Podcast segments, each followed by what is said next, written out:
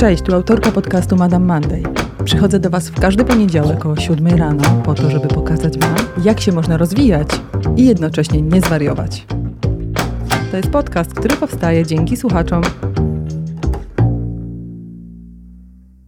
Dzień dobry, moim gościem dziś jest Małgosia Gołota, dziennikarka, autorka fantastycznej książki Żyletkę zawsze noszę przy sobie, a tym razem przychodzi do nas z kolejną książką, kontynuacją właśnie Żyletki, która nazywa się Jak być dobrym rodzicem. Małgosia zaprosiła mnie do wywiadu, jednego wywiadu w tej książce, która składa się z wywiadów z wieloma specjalistami. Rozmawiamy właśnie w tej książce o tym, jak być dobrym rodzicem. Cześć Małgosiu, teraz już oficjalnie. Witam Cię serdecznie. Dziękuję Ci, że przyjęłaś zaproszenie ode mnie i od mojej społeczności. Cześć, dzień dobry. Dziękuję bardzo za zaproszenie i witam Ciebie. No i witam wszystkie osoby, którym e, zdarzy się słuchać tej naszej rozmowy.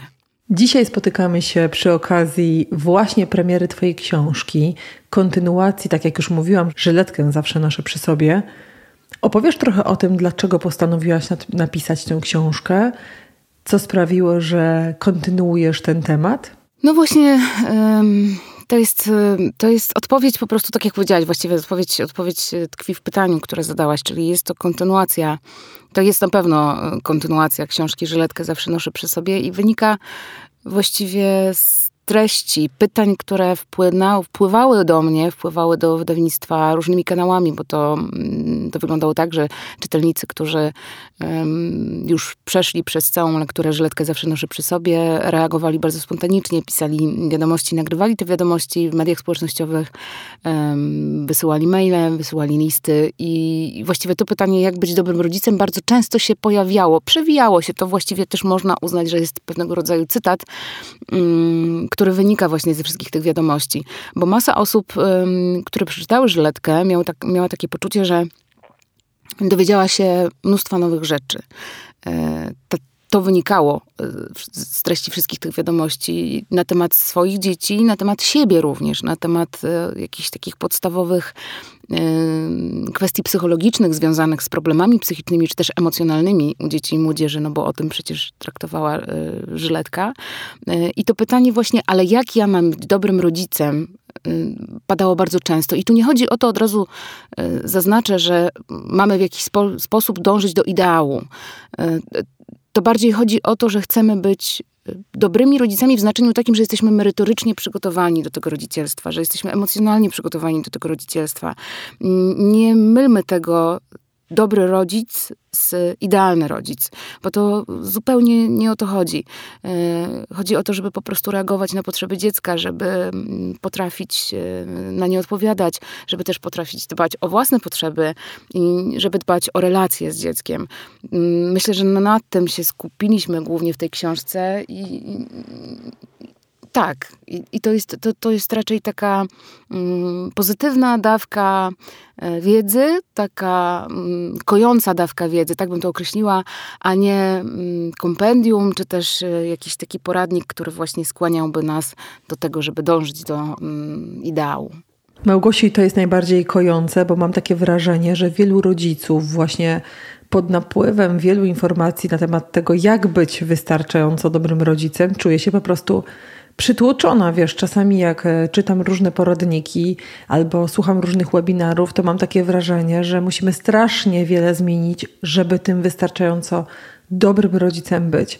Więc co jest według Ciebie tym kojącym potencjałem dla nas, dla rodziców? Moim zdaniem właśnie ta wiedza ta wiedza związana z różnorodnością, której, od której właściwie zaczyna się ta książka, o której mówi dr Ewa Wojdyło-Siatyńska, mm, co daje nam takie poczucie i taką świadomość, że e, każdy z nas jest inny i każdy z nas ma do tego prawo, żeby być inny. Mm, to daje nam też takie poczucie z perspektywy rodzica, że to, że nasze dziecko różni się od nas, czy też różni się od rówieśników, że jest w jakiś sposób szczególne, nie oznacza, że ono jest gorsze, bo wielu z nas e, zdarza się tak myśleć, że jeśli coś jest inne, to znaczy właściwie to chyba po prostu jest to jakaś taka norma zachowania występująca w skali świata, tak? Znaczy od zawsze dzielimy się na lepszych i gorszych, a nie na innych, e, z czym się niejednokrotnie już zmagały różne społeczeństwa na różnych etapach swojego rozwoju i w różnych aspektach, bo tu nie chodzi tylko o ten aspekt psychologiczny, ale przecież też o, mm, o, o to, o czym ja pisałam swoją pierwszą książkę, tak? Czyli chociażby różnice w wyglądzie fizycznym. Jeśli ktoś e, jest chory i cierpi na chorobę, która deformuje silnie wygląd, jego ciało też jest uznawane za e, gorszego pacjenta niż, niż ktoś, kto choruje w sposób w sposób taki, który nie, nie, nie wpływa fizycznie na jego wygląd. Więc dokładnie to samo jest z, z psychologią i, i, z tym, jak my podchodzimy do siebie nawzajem, nie tylko rodzice do dzieci, ale w ogóle jako ludzie. I wydaje mi się, że to jest faktycznie, to jest to, co tak bardzo uspokaja czytelnika na samym początku tej książki.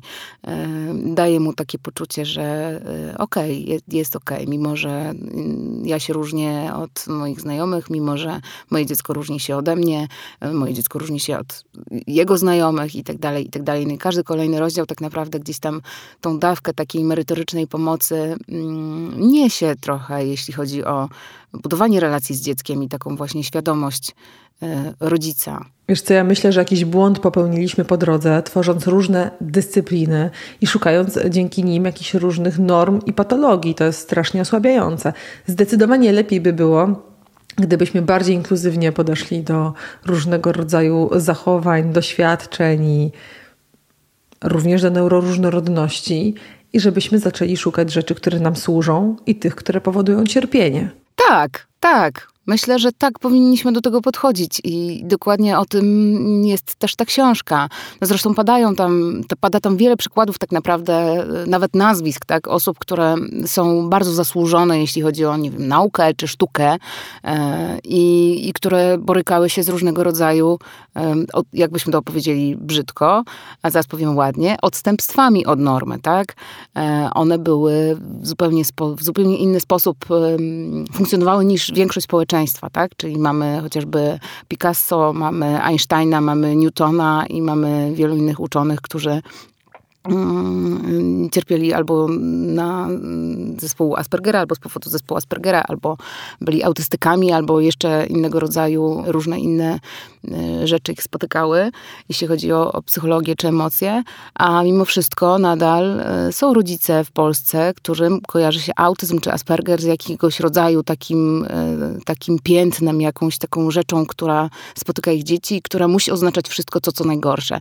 A właśnie nie musi. Tak jak mówisz, tak naprawdę możemy mm, mówić o tym w zupełnie inny sposób i możemy postrzegać to w zupełnie inny sposób. To jest tylko kwestia potrzeb i możliwości i tego, że one się od siebie wzajemnie różnią. Tak? Inne możliwości, inne potrzeby będzie miał człowiek e, w cudzysłowiu statystycznie taki średnio normatywny powiedzmy, tak? Taki uniwersalny, taki typowy i inne potrzeby i możliwości będzie miał ktoś, kto jest e, w zupełnie inny sposób skonstruowany, kto na przykład funkcjonuje z zespołem Aspergera, czy też właśnie jest autystykiem. To nie znaczy, że jeśli ma się autyzm, czy jest, jest się tym w cudzysłowie Aspergerem, to, to z nami jest coś kompletnie nie tak i jesteśmy skazani na, nie wiem, wykluczenie społeczne, na gorszą edukację, na gorsze zarobki, na brak życia towarzyskiego i tak dalej, i tak dalej. No pewnie, pewnie się ze mną zgodzisz. Myślę sobie, że jesteśmy teraz w takim procesie społecznym, kulturowym, ale również naukowym, że zaczynamy inaczej myśleć o tym, czego ludzie potrzebują.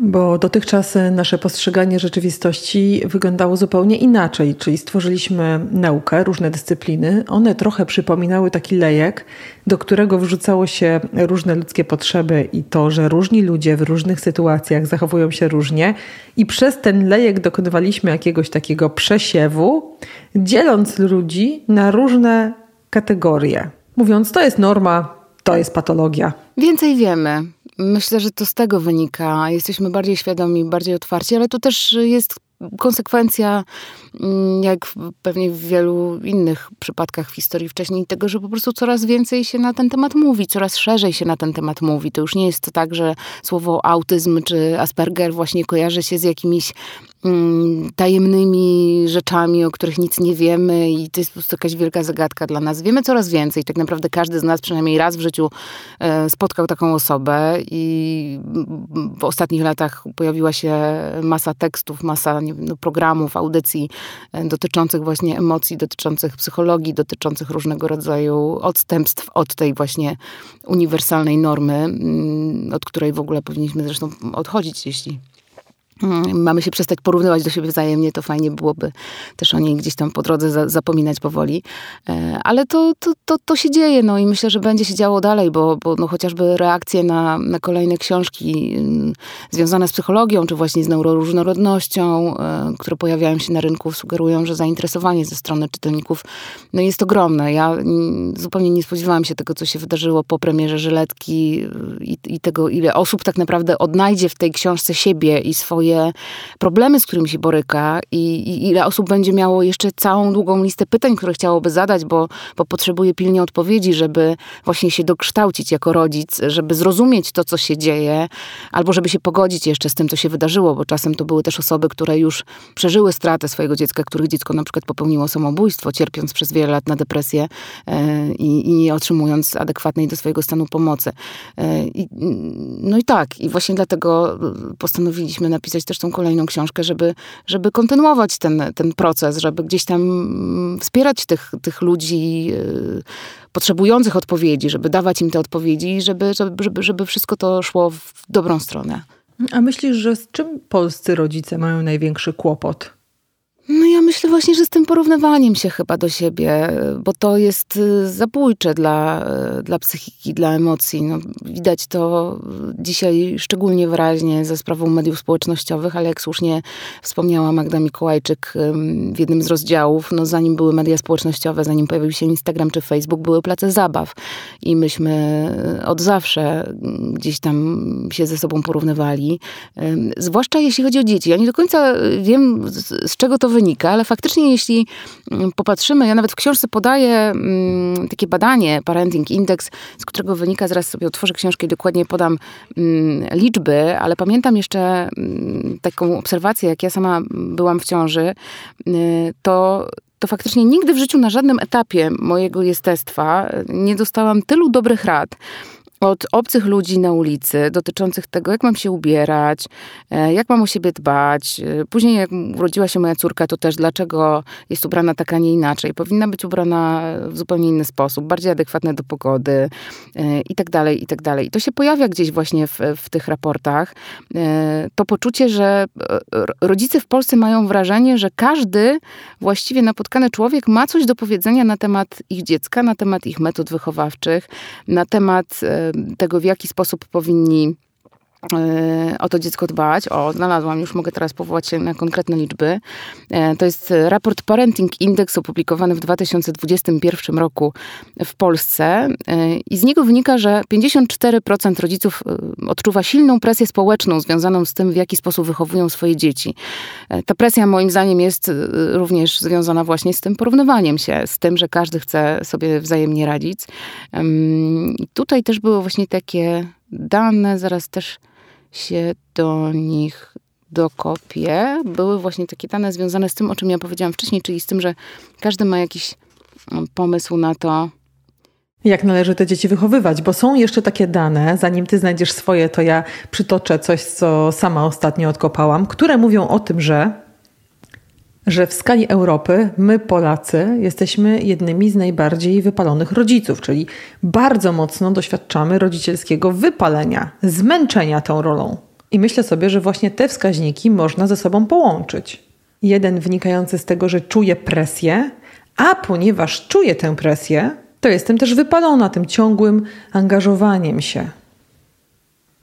Bo jak się przyjrzymy samej definicji wypalenia, to zobaczymy, że spalić się może coś, wypalić się może coś, co płonie. Czyli pierwsze, co się pojawia przy wypaleniu rodzicielskim, to jest głęboka motywacja do tego, żeby tym rodzicem fantastycznym być.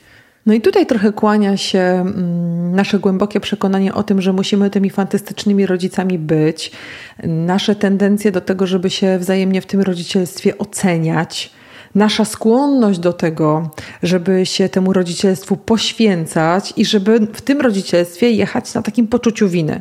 I oto właśnie jesteśmy w takim miejscu, że powstaje nowe zjawisko, to się nazywa wine mom, i to jest taki termin, który jest związany z kobietami, które po prostu sięgają w sposób, który wydaje im się bezpieczny, ale jednak niebezpieczny, powinno codziennie wieczorem po to, żeby sobie tę presję zmniejszyć, po to, żeby wyredukować to napięcie, które na tym rodzicielstwie nawija się w ciągu dnia.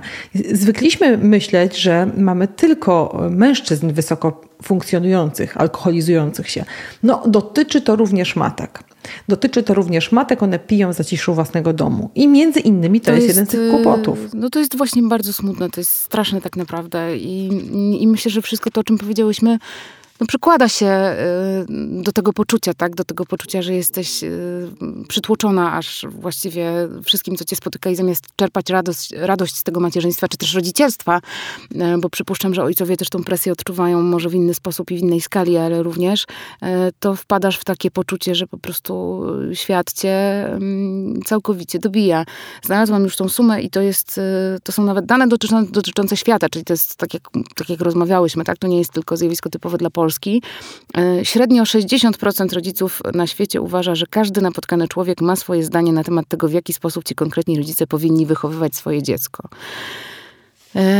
E, I to jest zatrważające. Natomiast no też fajnie, że o tym e, rozmawiamy, że o tym mówimy, że coraz więcej też osób mm, decyduje się na to, żeby, e, żeby gdzieś tam głośno krzyczeć o tym, że, że im się to nie podoba i zaznaczać, że no wie, co robi, tak? Ale że też jako rodzice mamy swoje potrzeby i to, o czym wspomniałaś, czy to wypalenie, bo to też się w książce pojawia, z tym też możemy walczyć, bo to jest oczywiście związane z, z, ze wszystkimi rodzajami presji, które tutaj pewnie już wymieniłyśmy, ale też z tym, że y, ja w sumie też nie wiem dlaczego i z tych rozmów nie wynika konkretnie, które ja przeprowadziłam na potrzeby tej drugiej książki, dlaczego aż tak silne jest w nas przekonanie w Polsce, że kiedy zostajemy rodzicami, to musimy wyrzekać się wszystkich swoich pasji mamy jakieś takie poczucie winy bardzo często nieadekwatne w ogóle do, do tego, co robimy, do tego, co się w naszym życiu dzieje. Wydaje się nam, że powinniśmy mm, maksymalnie dużo czasu spędzać z dzieckiem, rezygnować właśnie z, z własnych zainteresowań, z własnych pasji, z czasu dla siebie.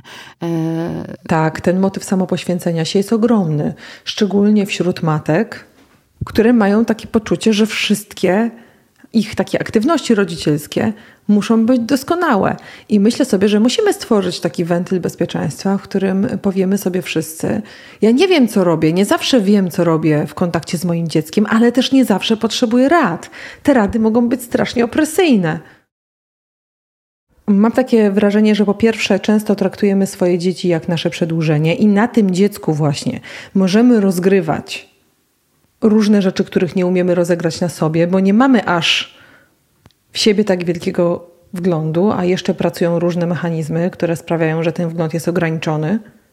Więc to jest jedna rzecz, czyli my delegujemy nasze dzieci do wyjątkowości. A druga rzecz jest taka, że robimy to zbiorowo, porównując nasze dzieci do dzieci innych ludzi i rozgrywając na naszych dzieciach jakieś takie różne ambicjonalne kawałki. Tak. Tak, to jest przemoc. To jest tak, taka sama przemoc jak, no to, że tutaj w tym przypadku to już w ogóle całkowicie brutalna, bo mm, no jakby mm, wydaje się tak, bez, bez, zupełnie bez cienia empatii, bo przecież ci rodzice uzależnionego dziecka też borykają się z tym poczuciem winy i, i, z całą pewnością, tak, bo chyba w stu procentach przypadków można stwierdzić, że każdy z nich zadaje sobie przynajmniej raz zadał sobie pytanie, co zrobiłem nie tak, tak, dlaczego moje dziecko y, jest uzależnione od narkotyków czy od alkoholu, więc jakby to atakowanie tego aspektu jest zupełnie już czymś strasznym. Y, natomiast no to się łączy z tym, o, o tym, o, o czym powiedziałyśmy wcześniej, tak, czyli to porównywanie i, i, gdzieś tam rywalizowanie właściwie na dzieci, tak? A moje dziecko robi tak, a moje dziecko robi tak, a moje dziecko poszło wcześniej e, do szkoły, a moje szybciej zaczęło chodzić, a moje e, zna 10 języków obcych, chociaż ma dopiero 5 lat, bo bardzo się o to z mężem staraliśmy. No to jest zupełnie zabójcze i dobrze byłoby, żebyśmy sobie zaczęli naprawdę odpuszczać albo jeśli już musimy się gdzieś tam odnosić do tego świata zewnętrznego, czy do tego, co nas otacza, no to otaczać się takimi ludźmi i porównywać się do takich ludzi, którzy gdzieś tam tą normalnością epatują, tak? Czyli mm, myślimy sobie wtedy nie, efektem tego porównania jest właśnie nie to takie poczucie, że z nami jest coś nie tak, tylko okej, okay, wszyscy tak mamy, wszyscy tak mamy, że nie, nie wyrabiamy się w ogóle z niczym, że wiecznie jest w domu bałagan, bo mamy małe dzieci i małe dzieci wymagają mm, dużo uwagi i, i, ja chcę z nimi ten czas spędzać i poświęcać im tę uwagę, a nie frustrować się tym, że nie wiem, nie, nie posprzątałam kuchni, czy tam nie odkurzyłam podłogi, bo wtedy, mm, ja to mówię też na bazie własnych doświadczeń, naprawdę mam, mam dziesięcioletnią córkę, którą wychowywałam właściwie przez większość czasu sama i pamiętam, że dopóki nie, nie spotkałam takich ludzi gdzieś tam, na szczęście, szczęśliwie się złożyło, że byli to moi sąsiedzi, więc jakby w ogóle sytuacja idealna, którzy też mieli dzieci w podobnym wieku i z którymi bardzo się zaprzyjaźniłam. Ja z tymi sąsiadami, a nasze dzieci między sobą również, więc sytuacja kompletnie no, no perfekt. E, to, to też miałam takie poczucie, że, że, że gdzieś tam pewnie wyniesione, nie wiem, czy z domu, czy gdzieś tam na bazie jakiejś obserwacji poczynione, że właśnie ja muszę to, ja muszę to i muszę to i muszę jeszcze to. Po czym spotkałam ludzi, którzy właśnie jakby odpowiedzieli na, na, na te moje wszystkie obawy i lęki, czyli pokazali mi, że generalnie to no, no właśnie nie muszę. Że mogę sobie dać na wstrzymanie, że jak dzieci podrosną, to zajmę się tym sprzątaniem, że generalnie rozgrzeszmy się, bawmy się, cieszmy się tym, że dzieci są małe y, i już, a jak dorosną, to, to, to zmienimy priorytety najwyżej. To dużo daje, tak, jeśli chodzi o taką codzienną presję, tak myślę, takie poczucie właśnie, że człowiek nie jest sam, że, że wszyscy tak mają i, i że generalnie może być fajnie. Z tych porównań może wyniknąć coś y, dobrego i konstruktywnego i takiego dającego właśnie to ukojenie, od którego zaczęłyśmy. Tak, dokładnie. I wiesz, mi się jeszcze wydaje, że tutaj mamy do czynienia z takim e, podstawowym błędem założenia, że my na te nasze dzieci mamy właśnie taki ogromny wpływ. Żebyśmy się też e, dobrze zrozumieli, my mamy wpływ na przykład na środowisko wychowawcze, które tworzymy ale czasem przeceniamy ten nasz wpływ i na przykład wydaje nam się, że jeżeli dziecko zaczyna mówić szybciej od innych, to to jest nasza zasługa. Albo jeżeli dziecko nie mówi tak szybko jak inne dzieci, to to jest nasza wina. I to jest zdecydowanie za daleko, bo ja się mam taką historię. Otarłam się o to, kiedy moje dziecko miało opóźniony rozwój mowy. E, dziś mówi jako pętane, ale miało opóźniony rozwój mowy. I bardzo często słyszałam e, takie komentarze pod tytułem: No to trzeba dziecku czytać. Skoro ma problem z mówieniem, to trzeba z dzieckiem rozmawiać. To trzeba dziecku poświęcać czas. No i wiecie, no to jest okrutne, tak, bo zdecydowanie nie mamy wpływu na to, w jaki sposób ekspresja różnych genów u naszych dzieci postępuje. Każde dziecko ma też swój własny e, styl rozwoju i tempo rozwoju. No i warto by było jednak czasem pomyśleć sobie, okay, no nie wszystko jest moją zasługą i nie wszystko jest moją winą. I było to rzeczywiście, e, słuchajcie, bardzo przykre doświadczenie.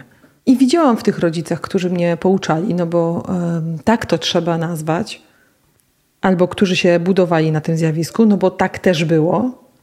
Widziałam takie poczucie, że oto ja tutaj jestem autorem e, tego wspaniałego dzieła zwanego moim dzieckiem, i teraz przychodzi taki moment, kiedy mogę sobie swoje ego w tym miejscu połechtać. I to jest dobry przykład pokazujący tego, że czasem nasza rodzicielska sprawczość jest nadmierna, niezdrowa, warto się temu po prostu poprzyglądać, bo ona nikomu nie służy. Warto unikać. No to w psychologii mówimy e, o tym podstawowy błąd atrybucji, który polega na tym, że kiedy dzieje się coś fajnego w naszym życiu, to mówimy, że to jest nasza zasługa, kiedy coś niefajnego, to że to jest pech, przypadek. No i odwrotnie, kiedy ktoś ma sukcesy, mówimy, że miał szczęście, a kiedy ktoś ma niepowodzenie, mówimy, że po prostu jest nieudolny. O widzisz, to już e, wyjaśniłaś merytorycznie bardzo. Nie wiem, czy mam tu coś dodawać jako nie psycholog, ale mm, wydaje mi się, że mm, możemy, możemy też mm, powiedzieć jeszcze o tym, o tym poczuciu winy, bo, e, bo ono też dużą rolę gra w książce i też wydaje mi się, że jest taką, takim doświadczeniem wspólnym dla rodziców w tym kraju. To poczucie winy, które, no właśnie, czemu poczucie winy na, na to pytanie. Właściwie ta książka jest o tyle fajna, że zaraz, zaraz pewnie będę pisać trzecią część, jak znam życie, bo się okaże, że jeszcze tyle jest tematów i tyle wątków, które trzeba przybliżyć, przeanalizować, że, mm, że trzeba się za to zabrać. Y, to poczucie winy też pokutuje właściwie w naszym rodzicielskim życiu od zawsze i też ma y, niesamowicie destrukcyjny wpływ na nas, a co za tym idzie na nasze dzieci, bo my się jako rodzice obwiniamy y, dosłownie za wszystko. To jest niesamowite też i to, to pamiętam, że wzbudziło moje takie zainteresowanie, y, kiedy doktor Maciej, Maciej Klimarczyk o tym poczuciu wina, e, poczuciu winy właściwie e, kulturowym trochę, bo, bo ono jest czasami też budzone i to jest najbardziej straszne chyba przez rodziców u dzieci. To znaczy dorosłe e, córki na przykład słyszą od swoich matek, że są te z kolei córki fatalnymi matkami, że nie powinny zostawiać dziecka, e, bo chcą wyjść na basen, że jak się ma dziecko, to się zapomina o własnych przyjemnościach i tak dalej, i tak dalej. To było faktycznie przykre, mm, te, te badania przytaczane i wszystkie te obserwacje, ale mm, no mam nadzieję, że też takie książki jak moja e, chociażby będą wpływały powoli na to, że, że będziemy się wyzbywać wszystkich tych takich negatywnych nawyków, bo to nawet nie jest reakcja jakaś taka na to, co się dzieje, tak? To jest po prostu coś, co gdzieś tam schematycznie mamy e, wdrukowane w głowie, bo nasze mamy tak robiły, być może też nasze babcie i my też tak podświadomie zaczynamy działać. Wiesz co, wydaje mi się, że to jest też trochę za, w zastępstwie za inne rzeczy. To znaczy, e, jeszcze nie potrafimy mówić o emocjach, jeszcze nie potrafimy mówić o miłości. Szczególnie wtedy, kiedy te dzieci są starsze, bo do takich maluszków to rzeczywiście mamy otwarty przepływ, natomiast jak już z nastolatkiem rozmawiamy, to wielu rodziców mówi mi o tym, że nie potrafi mówić o miłości. E, nie potrafi mówić o tęsknocie w relacji, nie potrafi mówić też o bezradności w relacji. I wydaje mi się, że poczucie winy jest społecznie akceptowanym takim e, stanem, który, którego możemy używać do tego, żeby w ogóle się porozumiewać, że coś czujemy. Że coś w, tej, w tym rodzicielstwie e, czujemy. To tak jak trochę język objawów, że możemy mówić o tym, że mamy migreny i boli nas brzuch, ale, ale absolutnie nie możemy mówić o tym, że się boimy albo jesteśmy bezsilni.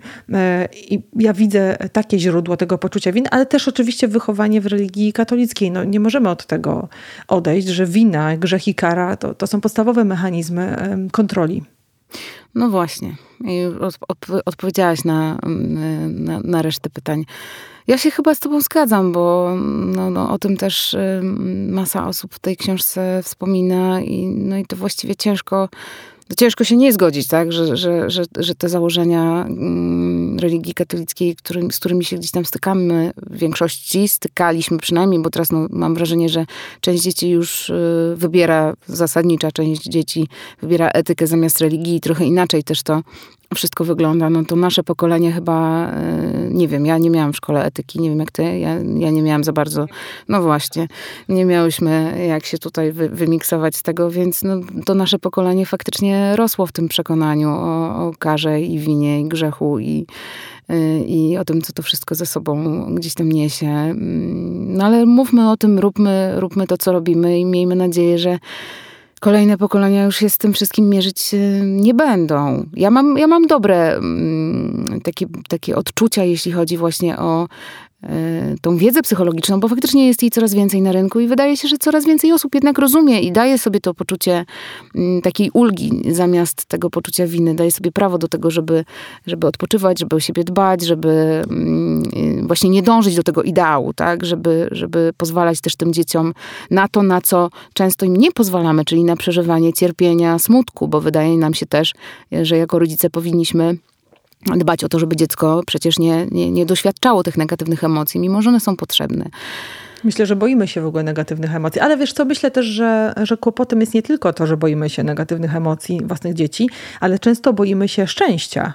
E, ja, ja, często słyszę, że rodzice mówią, że boją się rozgościć w takim poczuciu, jest wszystko ok, moje dziecko dobrze funkcjonuje, jesteśmy zdrowymi i szczęśliwymi ludźmi, e, albo radzimy sobie z różnymi problemami, ponieważ boją się, że jak już to wypowiedzą, to to jest jak takie zaklęcie. Jak już tylko powiem, że moje dziecko nie ma, tak, to za chwilę się coś stanie. Nie? Czy jakby boimy się w ogóle e, wypowiadać tego, tej szczęśliwości. I to może sprawiać, że mamy społeczną percepcję, że wszystko jest źle. Tak, ale to jest też ciekawe, że y, faktycznie to, to, co powiedziałaś, czyli nie, nie, chwalmy, nie chwalmy tego, co mamy, bo zaraz się coś zepsuje. Dnia przed że, zachodem słońca, nie? Tak, żeby się tak, ale to niesamowite jest też to, że my się tak boimy tego, że się coś zepsuje, czy to jest normalne, że się psuje, no, no czy coś się zawsze psuje, bo po prostu na tym polega życie. To nie jest tak, że my przecież, nie wiem, codziennie będziemy mm, wracać zadowoleni z pracy, że z nikim się, nie wiem, nie, nie pokłócimy, czy też nie, nie będzie żadnych spięć, bo to nawet nie zawsze musi być kłótnia kłótnie, ale jakieś tam no, e, złośliwości, czy coś się, nie wiem, niekorzystnego wydarzy, że, nie wiem, po drodze do pracy nie utkniemy w korku,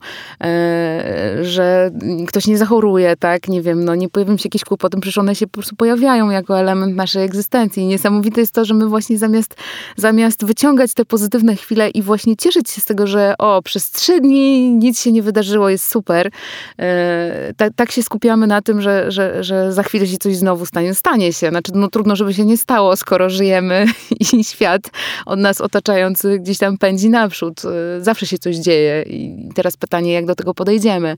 Czy będziemy czekać jak na, na, na, na katastrofę jakąś wielką, czy po prostu no, podejdziemy do tego jak do elementu życia, bo to też mam wrażenie zmienia gdzieś tam ten, ten, ten, ten, przesuwa ten ciężar, tak, tej interpretacji tych wydarzeń, jeśli nie, nie podchodzimy do, do, do tych e, problemów, które nas spotykają, jak do właśnie jakiegoś takiego mm, bardzo negatywnego i kataklizmu wręcz, no to dużo łatwiej jest nam się z nimi uporać, tak, podchodzimy do nich jak do wyzwania, nie, nie, są, nie ma problemów, są wyzwania, którym trzeba sprostać, do tych wyzwań trzeba się przygotować czasem, czasem nie trzeba, czasem się udaje narzędziami, które już mamy, a czasem trzeba po prostu się wzbogacić o nowe narzędzia i jedziemy do przodu, jedziemy naprzód.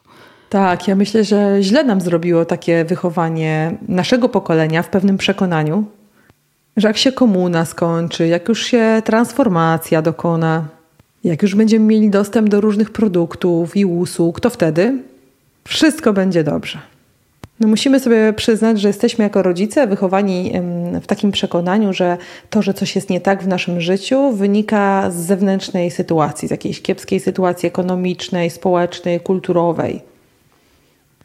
I jak gdzieś tam te okoliczności y, znikną i się z nimi uporami, to gdzieś tam ten świat mlekiem i miodem płynący, słuchaj, istnieje.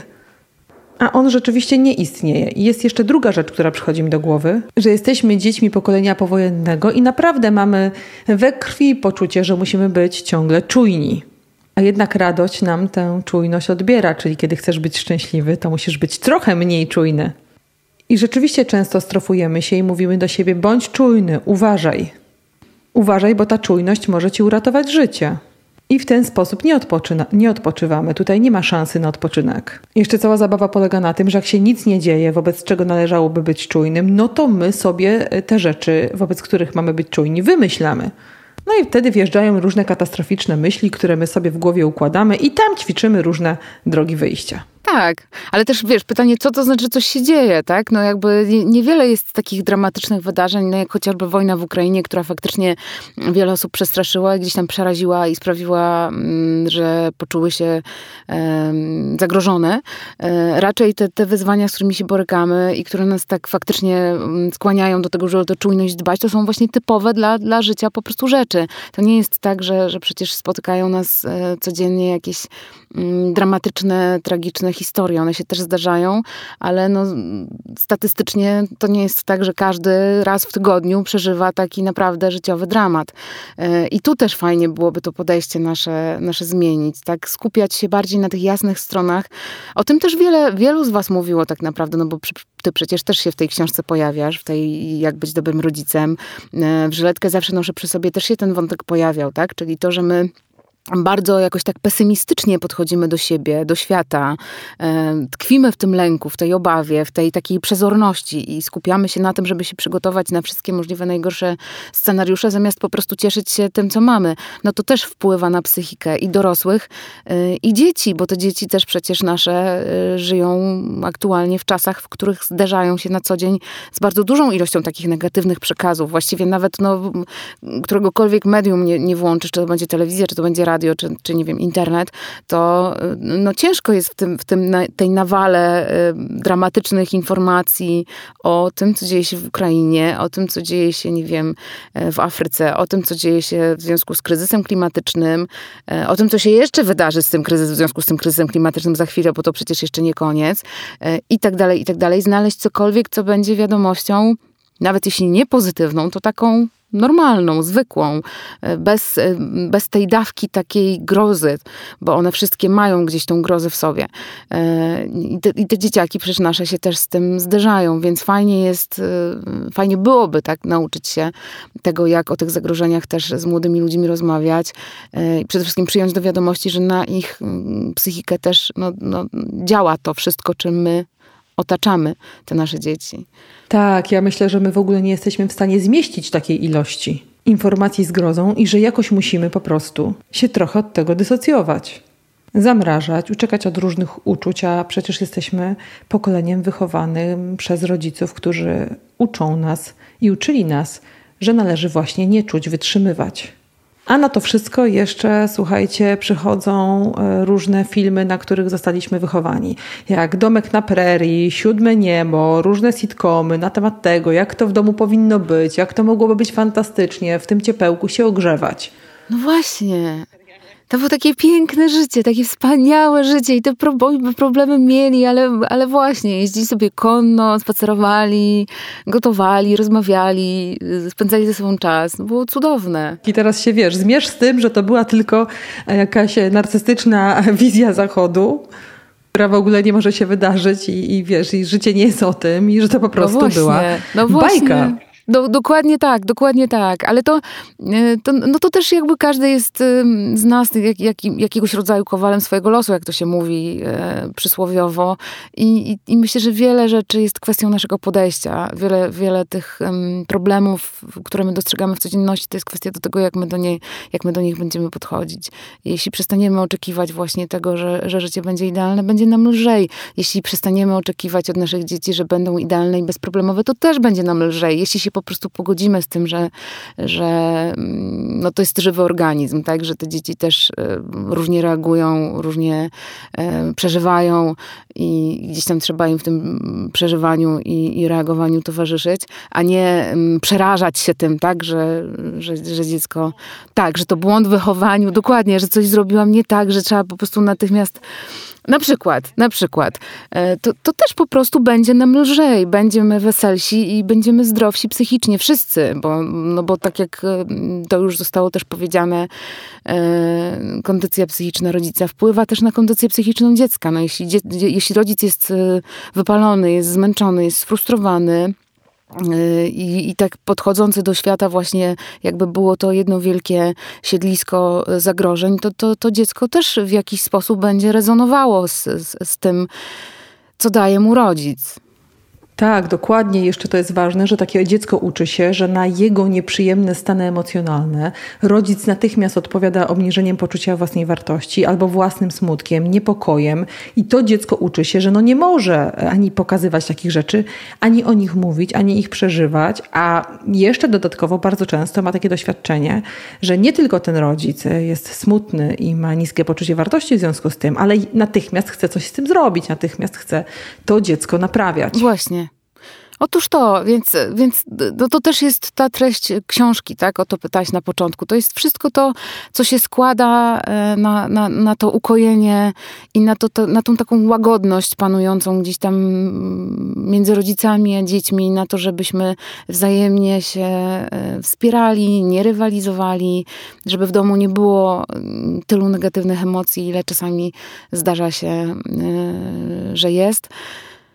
Mam nadzieję, że ten cel został osiągnięty. Nie wiem, mam nadzieję, że, że niedługo się dowiem pewnie, jak, jak zaczną spływać e, listy i, i, reakcje od czytelników. To na razie, na razie jedną mm, widziałam, że już się jedna, pierwsza się pojawiła w dniu premiery mm, gdzieś tam w internecie. To, to, to, to się dowiem, czy ten cel udało nam się osiągnąć, no ale ale tak jak mówię, mam wrażenie, że, że każda dawka wiedzy, każda książka, każdy podcast, każdy program, każdy film poświęcony mm, tym aspektom psychologicznym i, i, i temu właśnie, że to wszystko jest normalne, że, że, że musimy zdjąć z siebie tą presję i te um, oczekiwania i, i, i, taki, takie to napięcie, to, to, to naprawdę jest coś, co, co, co trzeba zrobić i co trzeba zrobić jak najszybciej. Fantastycznie, brzmi to naprawdę fantastycznie. Mam nadzieję, że będziemy się wszyscy uczyć tego, jak być dobrym rodzicem od siebie, ja Ci strasznie dziękuję, że mogłam wziąć udział w tym projekcie i dołożyć swoją cegiełkę do tej e, zacnej idei. Bardzo proszę. Cała przyjemność po mojej stronie. Dziękuję raz jeszcze. Moją gościnią była dzisiaj Małgosia Gołota, autorka książki Jak być dobrym rodzicem i wcześniejszej bestsellerowej pozycji Żyletkę zawsze noszę przy sobie. Wszystkiego dobrego Ci Małgosiu życzę i Wam wszystkiego dobrego życzę. Miejcie się dobrze. Udanego tygodnia.